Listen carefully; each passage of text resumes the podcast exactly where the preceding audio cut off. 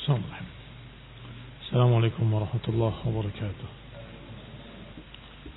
إن الحمد لله نحمده ونستعينه ونستغفره ونعوذ بالله من شرور أنفسنا ومن سيئات أعمالنا من يهده الله فلا مضل له ومن يضلل فلا هادي له وأشهد أن لا إله إلا الله وحده لا شريك له وأشهد أن محمدا عبده ورسوله صلى الله عليه وعلى آله وأصحابه والتابعين وتابع التابعين ومن تبعهم بإحسان إلى يوم الدين.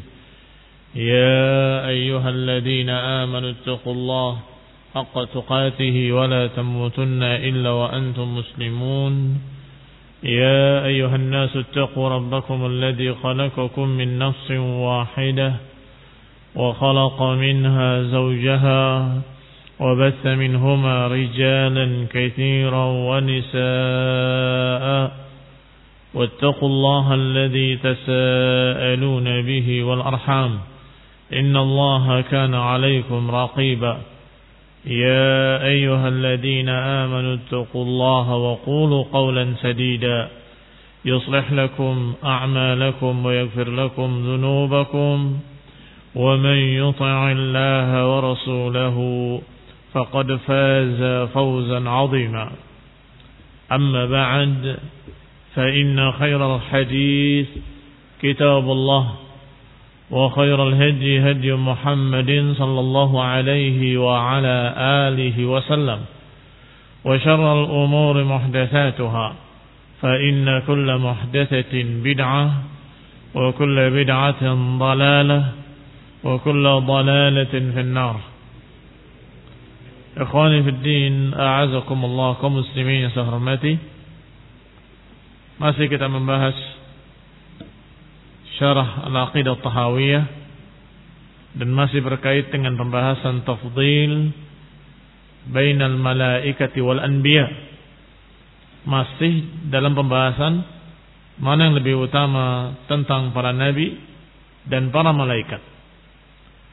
Dan sudah dibahas kesimpulannya jazahullahu khaira bahwasanya Ibn Abdul Aziz Al-Hanafi menyatakan tidak perlu kita mengunggulkan yang satu meremehkan yang lain. Tetapi kita katakan bahwa malaikat memiliki keutamaan dan para rasul, para anbiya juga memiliki keutamaan. Atau salah satu pendapat dari pendapat ahli sunnah juga yang dinukilkan oleh muhakkik bahwasanya ketika manusia di dunia masih dalam keadaan diuji, iman mereka naik dan turun, masih dikatakan malaikat lebih utama. Tetapi ketika mereka sudah dianggap lulus oleh Allah Subhanahu wa taala dan diridhoi oleh Allah Subhanahu wa taala, maka mereka di akhirat adalah orang-orang yang lebih mulia dari para malaikat. Namun beliau rahimahullah Ibn Abdul Aziz sebagaimana biasanya membahas secara rinci, menunjukkan keilmuan beliau yang sangat detail. Beliau tahu alasan masing-masingnya dan juga beliau tahu apa bantahan-bantahannya sehingga beliau bawakan satu persatu. Wa minhu dan di antaranya alasan mereka mengunggulkan malaikat atau alasan mereka yang mengunggulkan para nabi mengatakan annal malaikah lahum uqulun wa laysat lahum syahawat. Malaikat itu punya akal tapi tidak punya syahwat. Sedangkan para anbiya lahum uqulun wa syahawat. Mereka punya akal dan punya syahwat. Falamma nuhu anfusahum anil hawa. Ketika mereka bisa menjaga dirinya dari hawa nafsu. Wa mana'uha amma tamil ilaihi tiba. Dan bisa menghalangi dirinya dari apa-apa yang biasanya tabiat syahwat seseorang cenderung kepadanya. Tapi dia bisa menahannya. Kanu bidzalika afdal yang demikian tentunya lebih afdal. Ini alasan mereka yang mengunggulkan para nabi di atas para malaikat. Para malaikat memiliki akal tapi tidak memiliki syahwat. Sedangkan para anbiya memiliki akal dan memiliki syahwat. Maka ketika mereka bisa menahan syahwatnya dan bisa menahan dirinya dari apa yang dilarang padahal syahwatnya tentunya cenderung kepadanya, tapi bisa ditahan, tentunya yang ini lebih hebat kata mereka. Wa qala akharun dan yang lain berkata lagi. Yajuz an yaqa' min al malaikati min mudawamati at-ta'ah wa tahammulul ibadah. Kata lawannya berkata, tentunya malaikat-malaikat mungkin saja bisa jadi min mudawamati at-ta'ah karena terus menerusnya taat wa tahammulul ibadah dan memikul beban ibadah terus menerus wa tarkul wana dan tidak lemah, tidak dhaif, wal futur fiha dan juga tidak pernah bosan. Ma yafi bitanyannubil anbiya syahawatahum. Tentunya itu bisa mengimbangi bahkan mengalahkan bagaimana para anbiya bisa menjaga syahwatnya. Lihat ikhwan yang ini memiliki alasan yang itu memiliki alasan yang tidak bisa disimpulkan mana yang lebih rajih. Ini punya akal, punya syahwat. Ini tidak punya syahwat. Apa dalilnya? Apa riwayatnya? Kemudian lawannya berkata, justru karena malaikat itu ibadahnya terus menerus, tidak pernah berkurang, tidak pernah lelah, tidak pernah capek, dan tidak pernah dia berhenti. Bisa jadi ini lebih mengungguli hebatnya Nabi atau para anbiya menjaga syahwatnya. Ma'atuli muddati ibadatin malaika. Dengan panjangnya ibadah malaikat. Iya. Para anbiya memiliki keutamaan diberi syahwat tapi bisa menahan syahwatnya. Itu keunggulan, kehebatan. Tetapi sebentar. Iya Pak ya. Berapa paling panjang umurnya? Tetapi malaikat dari mulai diciptakannya sampai akhir masa sejumlah hari-hari di muka bumi ini. Mereka terus menerus beribadah, tidak pernah berkurang, tidak pernah berhenti. Tentunya ini bisa mengungguli, bisa mengalahkan. Baik, imbang lagi. Wa minhu, alasan lain lagi. Anna Allah Ta'ala ja'ala al-malaikati rusulan. Ja'ala al-malaikata rusulan. Ila al-anbiya. Wa sufara bainahu wa bainahum Wahadal kalam qad i'talla bihi man qal. Wa di antara alasan mereka mengutamakan sebagian data sebagian Allah taala ja'ala al-malaikati rusulan. Menjadikan malaikat-malaikat sebagai utusan-utusan kepada para nabi. Sufara bainahu wa bainahum. Perantara antara para nabi dengan Allah adalah para malaikat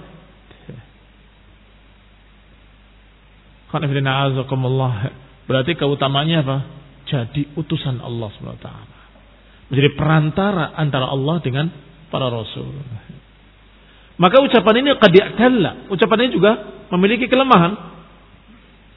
Dan dibantah oleh lawannya yang berkata innal malaikata afdal wastidlaluhum bihi aqwa fa innal anbiya wal mursalin in thabata tafdiluhum 'ala al mursal ilaihim birisalah sabata tafdilur rusul minal malaikah. Keutamaan para anbiya adalah perantara antara Allah dengan manusia. Maka dibalas oleh yang lain. Malaikat juga sama. Perantara antara Allah dengan para anbiya. Nah, kuat mana? Kalau dikatakan ini Rasul yang Allah pilih sebagai utusan.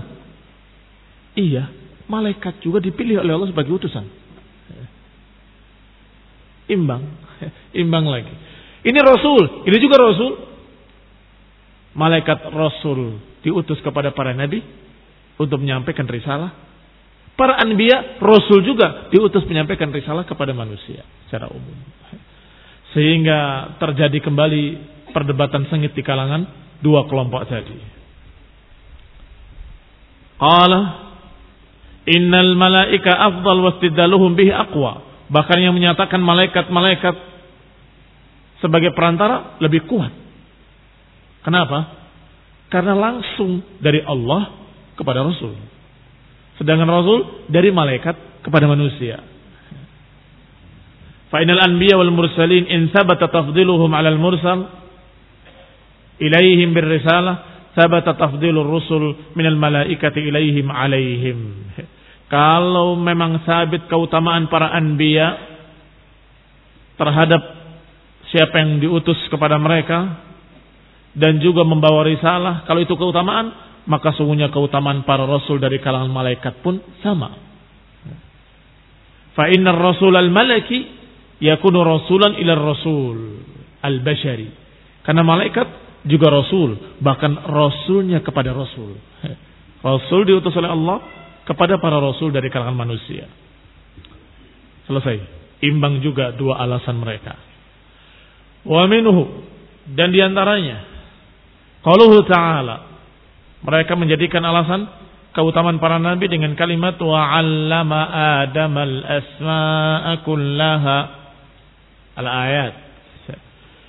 Dan ingatlah ketika Allah mengajarkan kepada Adam nama-nama benda. Masih ingat? Ketika para malaikat tidak mengetahui nama-nama benda-benda tadi, maka Allah Subhanahu wa taala mengajarkan kepada Adam. Wa 'allama Adam al-asma'a kullaha. Adapun para malaikat menjawab, "Ma uh, alimna kami tidak mengerti illa ma 'allamtana kecuali kalau engkau ajarkan kepada kami ya Allah. Ternyata Allah ajarkan kepada Adam alaihi salam asma'a kulli. Nama-nama segala sesuatu. Keutamaan manusia. Wa hada dalil ala al-fadl la ala tafdil. Ini dalil tentang keutamaan Adam. Bukan dalil dia lebih utama dari malaikat. Beda apa enggak beda? Beda. Al-fadl dan tafdil. Kalau al-fadl keutamaan, malaikat memiliki keutamaan, Adam juga memiliki keutamaan, dan para anbiya juga memiliki keutamaan. Tetapi tafdil ini lebih utama dari itu. Ini enggak ada dalilnya. Lalu ini Allah ajarkan pada Adam, malaikat tidak diajarkan. Itu keutamaan Adam. Tapi bukan berarti Adam lebih mulia daripada malaikat. Kenapa? Karena ada diajarkan pada malaikat yang tidak diajarkan pula pada Adam. Oleh saya kata, malaikat sekian tugas-tugasnya. Apa semua diketahui oleh manusia? Atau Rasul? Tidak semuanya diketahui. Sehingga itu keutamaan. Yang malaikat juga memiliki keutamaan. Wa Adam wal malaikah la ya'lamuna illa ma'allamahumullah Sedangkan Adam dan malaikat dua-duanya sama makhluk Allah yang tidak mengetahui kecuali kalau diajarkan. Malaikat sudah berkata, Ma'alimna illa ma'allamtana. Kami tidak tahu kecuali apa yang kau ajarkan pada kami. Adam tidak tahu kecuali ketika Allah allama Adam al asma'a kulla syai. Ketika diajarkan oleh Allah nama-nama segala sesuatu. Berarti sama-sama tidak mengetahui kecuali kalau diberitahu. Yang ini diberitahukan pada Adam, yang itu diberitahukan pada malaikat. Apa perbedaannya? Sama. Masing-masing memiliki keutamaan.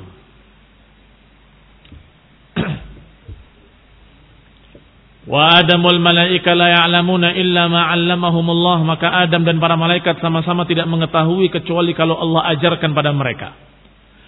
Wa laisal khidru afdal min Musa bikauni ilmi bikaunihi alima ma lam ya'lamhu Musa dan belum tentu tidak mesti Nabi Khidir lebih afdal daripada Musa karena keadaan Khidir mengetahui apa yang tidak diketahui oleh Musa Waqad safara Musa wa fatahu fi talab al-ilm ila Khidir Musa dan budaknya berjalan untuk mencari ilmu sampai menemui Khidir. Wa tazawwada bidzalik. Wa tazawwada lidzalik dan membawa bekal untuk itu. Wa talaba Musa minhu al-ilm salihan dan Musa belajar dari Khidir terang-terangan dan menyatakan hal attabi'uka ala an tu'allimani mimma 'ullimta rusyda bolehkah aku ikut engkau agar engkau mengajari aku sesuatu yang Allah beritahukan pada kamu? Wa qala lahul Khidr, berkata Khidr, "Innaka ala ilmin min ilmillah." Kata Khidr kepada Musa, "Engkau di atas ilmu." Artinya engkau memiliki ilmu dari Allah Subhanahu wa taala. Sampai akhir dialognya Adam dengan Musa. Ah, ah, Adam dengan Khidir. Maka Khidir mengakui bahwa Musa memiliki ilmu. Tetapi ada ilmu lain yang diberikan pada Khidir yang tidak diberikan pada Musa. Sehingga Musa terheran-heran dalam beberapa kejadian ketika dia merusak kapal yang ditumpanginya, ketika dia membunuh anak dalam keadaan masih belum berdosa, ketika dia membangun rumah orang-orang kampung yang tidak mau menghormati tamunya, ada uh, Musa alaihissalam menegurnya berkali-kali. Ada apa? Kenapa kamu merusak? Kenapa kamu membunuh? Ya. Nafsan zakiyatan bighairi nafsin. Laqad ji'ta syai'an nukra. Apakah kau membunuh jiwa yang tidak punya salah? Sampai di akhirnya diajarkan. Bahwa aku diberitahu oleh Allah Ta'ala. Bahwa ini akan begini, ini akan begitu. Musa tidak diberitahu. Karena lihat. Musa diberitahu perkara Taurat. Syariah. Bahwa membunuh itu haram. Iya kan? Dan anak kecil itu masih suci, tidak punya salah. Ini ilmu yang ada pada Musa. Sedangkan Khidir diberi oleh Allah ilmu yang lain. Mengetahui sesuatu yang Allah beritahukan kepadanya dan diperintahkan. Apa kata Khidir? Wa ma fa'altuhu an amri. Aku tidak melakukannya karena urusanku sendiri, tetapi perintah dari Allah Subhanahu wa taala. Naam. Contoh yang lebih gampang antara Hudhud dengan Musa dengan Sulaiman alaihi salam. Tahu Hudhud? Burung Hudhud. Dengan Nabi Sulaiman alaihi salam, mana yang lebih alim? Atau mana yang lebih afdal?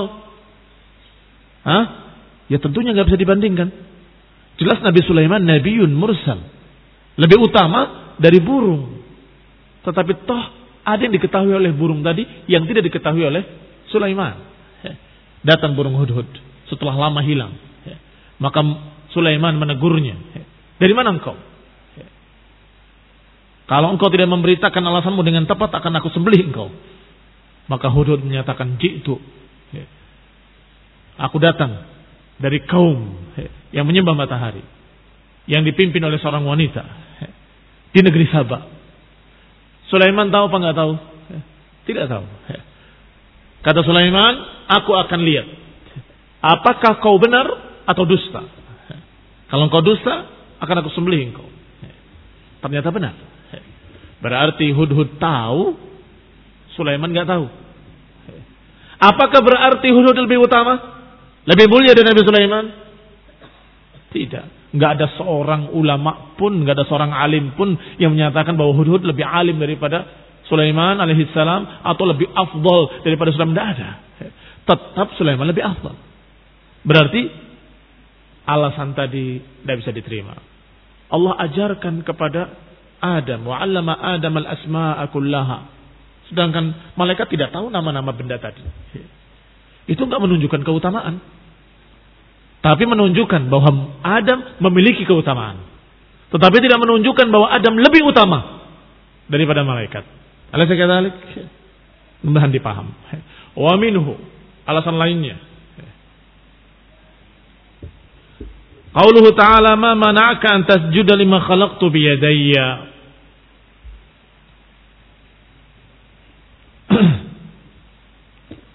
Ayat Allah Subhanahu wa taala ma mana'aka? Apa yang menghalangimu untuk sujud kepada yang aku ciptakan dengan kedua tanganku kata Allah taala. Adam di antara keistimewaannya adalah diciptakan oleh Allah dengan langsung dengan tangannya Ya, itu keutamaan memang.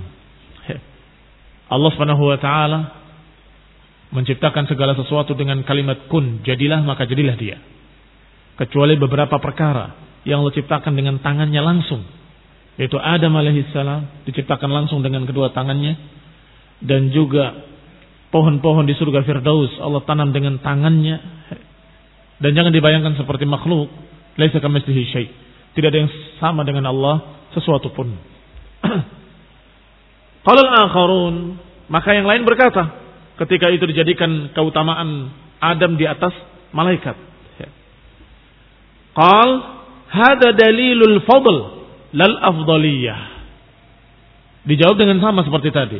Itu keutamaan Adam, bukan berarti lebih utama. Wa illa lazima tafdiluhu ala Muhammad sallallahu alaihi wa ala alihi wasallam. Karena kalau engkau anggap diciptakan dengan kedua tangannya berarti lebih utama, maka niscaya engkau akan berkata Adam lebih utama dari Nabi Muhammad sallallahu alaihi wa ala alihi wasallam. Nabi Muhammad tidak diciptakan dengan tangan Allah langsung. Dilahirkan oleh seorang bapak yang namanya Abdullah. Baik. Bagaimana? Apakah engkau berkata bahwa Adam lebih afdal daripada Muhammad SAW? Enggak ada seorang ulama pun yang berkata demikian. Berarti memang diciptakan dengan kedua tangan Allah itu adalah keutamaan Adam alaihissalam. Tapi bukan berarti lebih utama dari yang lainnya. Karena yang lain memiliki keutamaan lain. Lihat.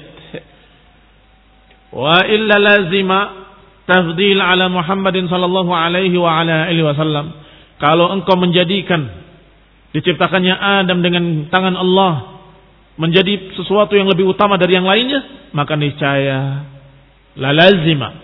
Konsekuensinya berarti dia lebih utama dari Nabi Muhammad SAW. Dan itu tidak mungkin.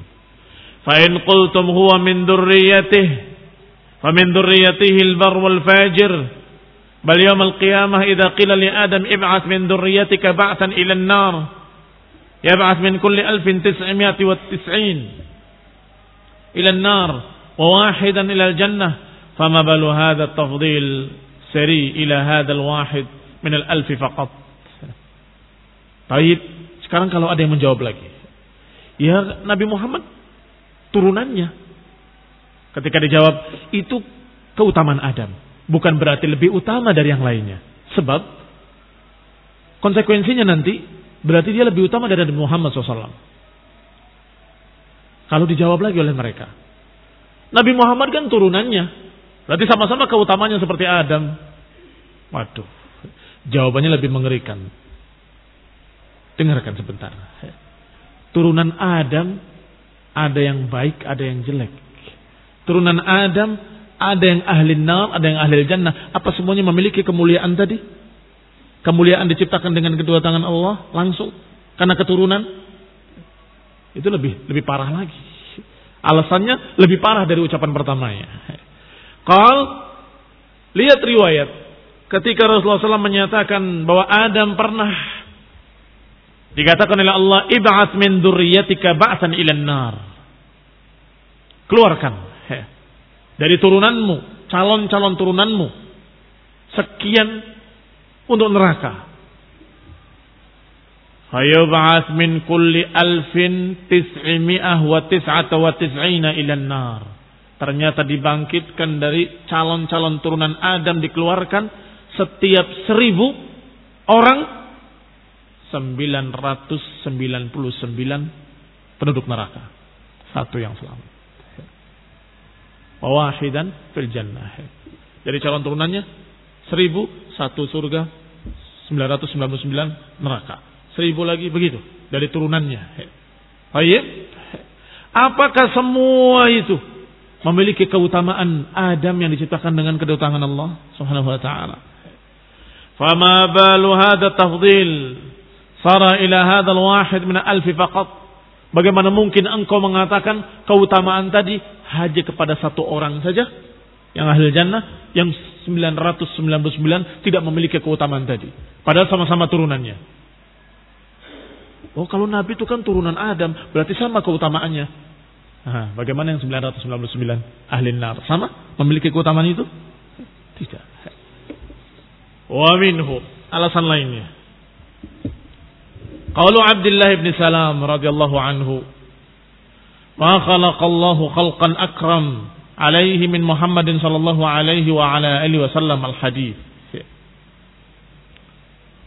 Kata Abdullah bin Salam radhiyallahu taala anhu, tidaklah Allah menciptakan makhluknya yang lebih mulia daripada Nabi Muhammad sallallahu alaihi wa ala alihi wasallam. Sahih mauquf dikeluarkan oleh Imam Bukhari dalam tarikh bahwasanya sahabat ini berkata, Allah tidak menciptakan makhluk yang lebih mulia daripada Nabi Muhammad sallallahu alaihi wasallam. Berarti maknanya lebih mulia daripada malaikat-malaikat karena malaikat juga makhluk. Allah tidak menciptakan makhluk yang lebih mulia daripada Nabi Muhammad SAW. Ini juga dijadikan alasan keutamaan para anbiya di atas para malaikat. Fasya'nu fi thubutihi wa in sahha anhu fasya'an fi thubutihi fi nafsihi fa innahu yahtamil an yakuna min al-israiliyat. Taib. Alasan yang ini kaitannya bergantung pada kesahihan riwayat. In sahha. Kalau benar, kalau sahih. Kenapa? Karena Abdullah bin Salam adalah seorang sahabat yang mulia dari Yahudi masuk Islam. Dan ini tidak sahih kepada ucapan Rasulullah SAW. Tapi mauquf ala qawlihi huwa. Mauquf ala Abdullah bin Salam. Maka ada ihtimal, ada kemungkinan kalau itu dari Israeliat. Apa yang dia pernah dengar dari Bani Israel. Ala kulli hal. Anggap itu sahih.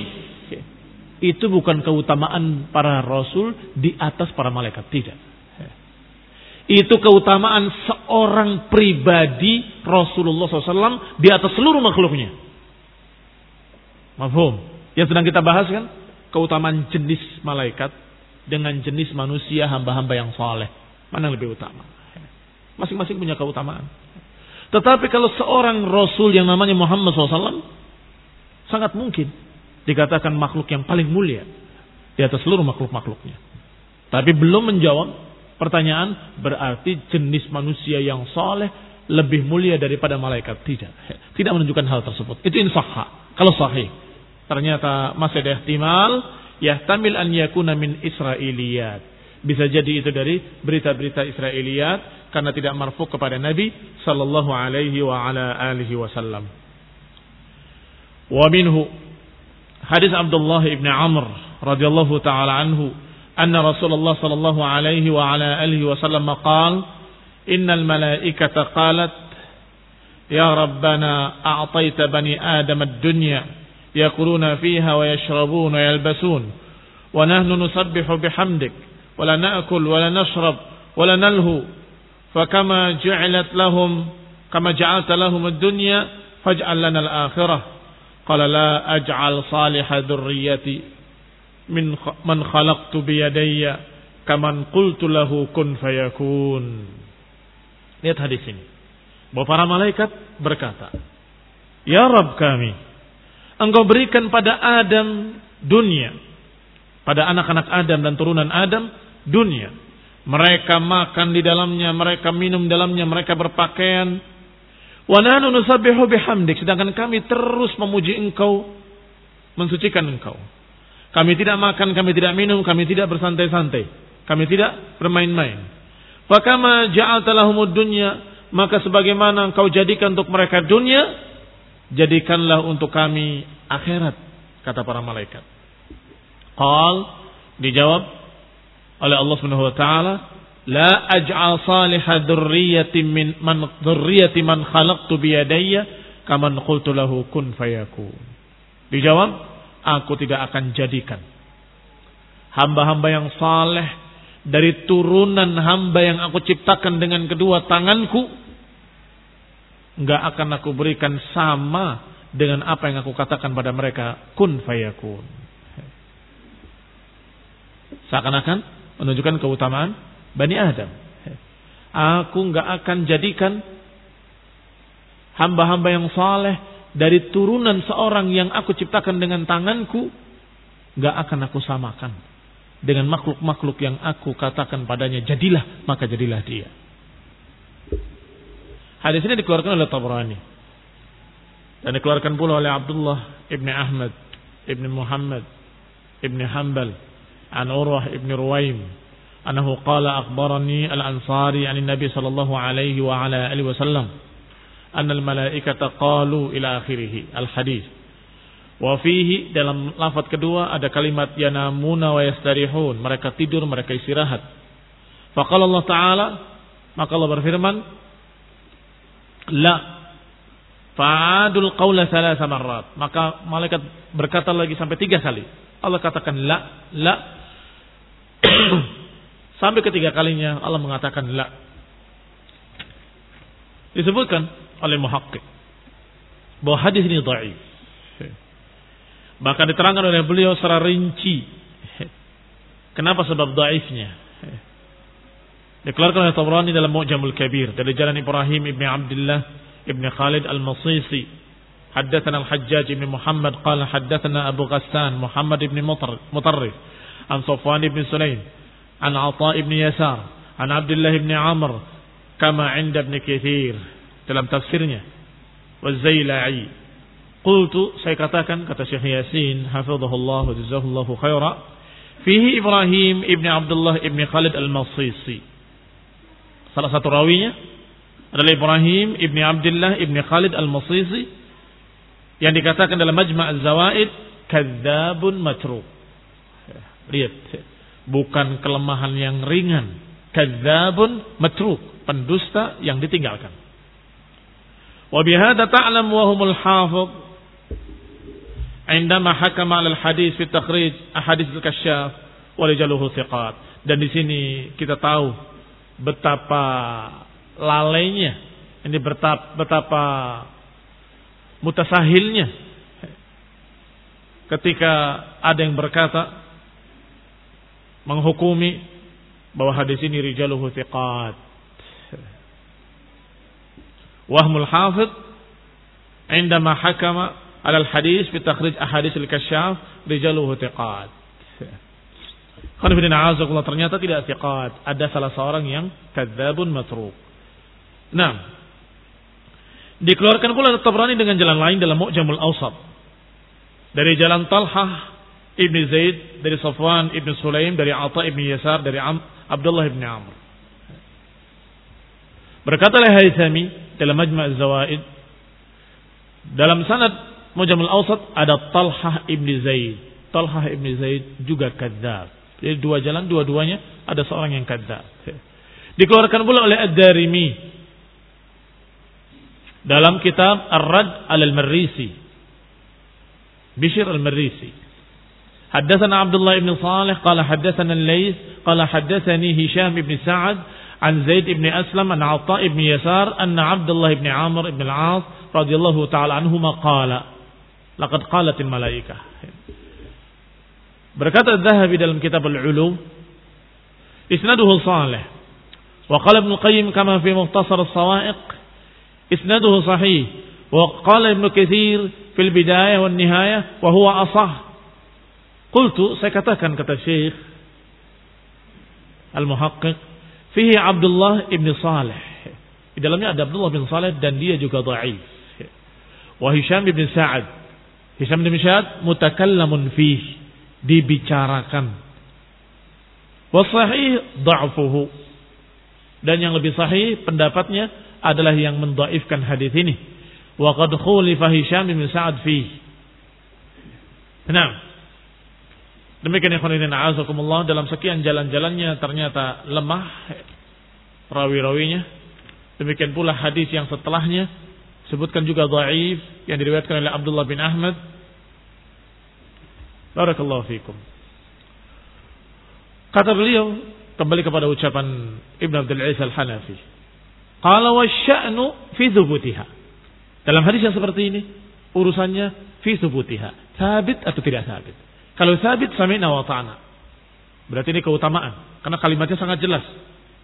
Kami enggak akan samakan yang kami ciptakan dengan kedua tanganku dan yang aku ciptakan dengan kun fayakun. Baik. Tetapi sya'nu. Urusannya sahih atau tidak sahih. Fa inna fi sanadaihima maqalan. Ternyata dua hadis tersebut dalam sanadnya sekian pembicaraan dan kritikan dari para ulama. Wa fi matnihima syai'a. Demikian pula pada matanya, bukan hanya pada sanadnya. Fa kaifa yadhunnu bil malaikati i'tirad 'ala Allah marratan 'adidah. Apa dalam sanadnya yang aneh? Bagaimana mungkin malaikat meminta kepada Allah berkali-kali? Sekali lagi dikatakan la, diulangi lagi, dikatakan la, diulangi lagi, dikatakan la. Dan ini tidak mungkin pada malaikat-malaikat yang saleh yang terus beribadah pada Allah. Apa kata Allah sifatnya dalam Al-Quran? Hah? Selalu mentaati perintah wa yaf'aluna ma yu'marun. Mungkinkah malaikat yang disifati dengan ya'maluna ma yu'marun selalu melaksanakan apa yang diperintah tiba-tiba protes pada Allah taala. Ini juga menunjukkan pertentangan matanya dengan ayat. Sehingga sanadnya ada kelemahan, matanya juga ada kelemahan. Wa qad akhbara Allah taala anhum annahum la yasbiqunahu bil qaul. Dikhabarkan oleh Allah dalam Al-Quran bahwa malaikat enggak akan mendahului Allah. Apalagi protes. La yasbiqunahu bil qawli. Wahum bi amrihi ya'malun. Dan mereka selalu melaksanakan perintah. Enggak mungkin protes. Wa hal yadhunnu bihim annahum mutabar mutabarru mutabarramum bi ahwalihim. Apakah mungkin kalau mereka tiba-tiba mengeluh dengan keadaan mereka, kok enak manusia makan, minum, berpakaian, bersantai-santai, tidur, beristirahat. Sedangkan aku ibadah terus. Mungkinkah malaikat yang disifati oleh Allah dengan sifat la yasbiqunahu bil qaul. Wahum bi amrihi ya'malun. Mungkinkah akan protes dengan keadaan mereka? Mutasyawwifuna ila ma siwaha min syahwati bani Adam. Tergiur dengan syahwat anak Adam. Wan naum akhul maut, sedangkan tidur itu saudaranya mati. Bagaimana mungkin malaikat iri dengan manusia karena manusia tidur. Ya namuna wa yastarihun. Mereka tidur, mereka istirahat. Padahal yang namanya tidur adalah saudaranya mati. Kebaikan apa kejelekan? Tapi bahasanya yang lebih bagus. Kesempurnaan atau kelemahan? Hah? Kelemahan. Barakallahu fikum. Itu kelemahan manusia. Tidak mungkin malaikat iri dengan kelemahan manusia. Lagi belajar ngantuk. Lagi nyetir mobil ngantuk. Mau bangun malam tidak bisa ngantuk. Di perjalanan ngantuk, HP-nya hilang. Hah? Apa itu? Kelemahan atau bukan kelemahan? Kelemahan. Barakallahu fiikum. Tidak mungkin malaikat iri dengan kelemahan manusia. An-naum akhul maut. Tidur itu saudaranya mati. Dikatakan kalau mereka lam yamut fi manamiha, kalau mereka tidak mati dalam tidurnya, maka niscaya mereka akan mati pada satu saatnya. Menunjukkan kalau itu memang saudaranya mati. Fakaifa yaghbitunahum bih? Bagaimana mungkin mereka iri dengan kelemahan manusia? Wa kaifa yadhunnu bihim annahum yaghbituna billahwi? Demikian pula keanehan di matanya. Bagaimana mungkin malaikat iri dengan lahu? Tahu lahu? Lahun main-main, sendaguro, Apalagi lahun lahun. Padahal orang beriman saja anil lahwi mu'ridun. Dalam surat Al-Mu'minun, qad aflahal mu'minun alladzina hum fi salatihim khashi'un walladzina hum anil lahwi mu'ridun. Orang-orang beriman menghindari al-lahu. Lahu, kesia-siaan, hura-hura. Kok malaikat malah iri? Lihat manusia, mereka bersendagurau, Wallahu kada wa kada. Ini juga keanehan yang berikutnya. Wa huwa minal batil. Dan ini termasuk kebatilan. Kalau balil amr bil aksi. Bahkan urusannya sebaliknya. Fa inna iblis innama waswasa ila Adam wadallahu bi ghurur atma'ahu fi an yakuna malakan. Bahkan sebaliknya, manusia yang ingin jadi malaikat. Iya kan? Bagaimana iblis menggoda Adam? Diajak untuk makan buah khuldi. Maukah aku tunjukkan kepadamu? Hal adullukum ala syajaratil khuldi? Wa mulkin la yabla. Maukah aku tunjukkan padamu pohon kekekalan dan mulkin la yabla? Kekuasaan yang tidak akan sirna. Sampai dikatakan aku engkau akan menjadi malak. Tidaklah Allah melarang engkau untuk makan ini kecuali khawatir engkau jadi malak kau jadi khawatir engkau jadi malaikat ini bujukan iblis. Menggiurkan Adam alaihissalam atau membuat Adam tergiur dengan kalimat kalau makan buah ini akan jadi malaikat. Jadi justru Adam yang memiliki atau turunan Adam memiliki kekurangan-kekurangan kemanusiaan yang ingin menjadi malaikat. ما نهاكما ربكما عن هذه الشجرة إلا أن تكون ملكين أو تكون من الخالدين Lihat iblis ketika menggoda Adam. Allah tidak melarang kamu berdua dari pohon ini kecuali karena kekhawatiran engkau menjadi dua malaikat atau engkau menjadi kekal. Dibikin tergiur dengan dua, kekekalan dan menjadi tingkatannya tingkatan malaikat. Padahal anna afdaliyatul malak amrun ma'lumun mustaqir fil fitrah. Maka berarti di situ tampak dalam fitrah Adam fitrah manusia bahwa malaikat itu lebih tinggi derajatnya lebih suci lebih bersih. Enam. Dan itu amrun ma'lum mustaqir perkara yang sudah diketahui dan sudah mapan di fitrah-fitrah manusia. Yashhad lidzalika qauluhu ta'ala hikayah anin niswah allati qatta'na aydiyahunna. Inda ru'yati Yusuf. Demikian pula terbukti ketika wanita-wanita di zaman Nabi Yusuf yang dipanggil oleh ratu ya untuk memotong buah-buah dengan pisau. Kemudian Yusuf suruh lewat apa kata mereka ketika melihat Yusuf alaihi salam? Qulna hasya lillahi ma hadha bashara in hadha illa malakun karim. Wah, ini bukan manusia. Ini malakun karim, ini malaikat. Kenapa? Memuji seseorang mengatakan ini bukan manusia, ini malaikat. Karena malaikat lebih sempurna. Karena malaikat ciptaannya lebih sempurna. Nah, ketika malaikat datang menemui Rasulullah SAW dalam bentuk manusia yang ditiru adalah seorang yang paling ganteng, paling gagah, rambutnya sangat hitam, bajunya sangat putih bersih. Semua orang kagum melihatnya. Qala ta'ala قل لا أقول لكم عندي خزائن الله ولا أعلم الغيب ولا أقول لكم إني ملك Lihat juga ayat lainnya.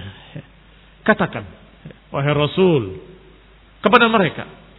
Katakan pada mereka, La aqulu lakum indi khazainullah. Aku tidak berkata bahwa aku memiliki perbendaharaan-perbendaharaan harta Allah. Wala alamul ghaib. Dan aku juga tidak mengetahui yang gaib. Wala aqulu lakum inni malak dan aku tidak berkata pada kalian bahwa aku malaikat. Apa maknanya? Aku tidak merasa lebih. Aku tahu yang gaib atau aku memiliki perbendaharaan harta Allah seluruhnya atau aku mengaku aku malaikat tidak. Lihat dari siyakul kalam bahwa ini menunjukkan malaikat di atas. Alal awalun berkata golongan pertama Inna hadha innama kana ima huwa markuzun fi nafs. Anal malaikah khalqun jamilun azim. Kata al-awwalun, golongan pertama tadi menyatakan itu hanya saja. Karena sudah tertanam di benak-benak manusia bahwa malaikat itu adalah makhluk yang indah, yang agung, muqtadirun 'alal af'alil ha'ilah dan mampu untuk melakukan hal-hal yang besar khususan al-Arab, khususnya orang-orang Arab. Fa innal malaikat kanu fi nufusihim min al-'azamah. Malaikat-malaikat di kalangan atau di hati-hati orang Arab Di benak-benak mereka, di pikiran mereka adalah makhluk besar, mulia, yang bisa melakukan apa yang tidak dilakukan oleh manusia. Bihaitsu qalu innal malaika banatullah. Sampai-sampai orang-orang jahiliyah berkata bahwa malaikat-malaikat itu adalah anak-anak perempuan Allah. Ta'ala Allah an qaulihim uluwan kabira. Maha suci Allah, maha tinggi Allah, setinggi-tingginya, sesuci-sucinya. Enggak mungkin memiliki anak. Masih saling membantah. Yang ini membantah dengan alasan tadi. Yang ini membantah dengan alasan itu masih juga tidak bisa menjadi hujjah ini lebih utama dari yang itu wa minhu qauluhu kita akan bahas insya Allah pada kajian mendatang billahi taala. Wa minhu wa minhu wa minhu ada berapa? Masih ada empat lima lagi. Satu, dua, tiga, empat. Empat lagi insya Allah. Kita akan bahas pada kajian mendatang billahi taala. Subhanakallahumma bihamdik Asyadu an la ilaha illa wa atubu ilaik. Wassalamualaikum warahmatullahi wabarakatuh.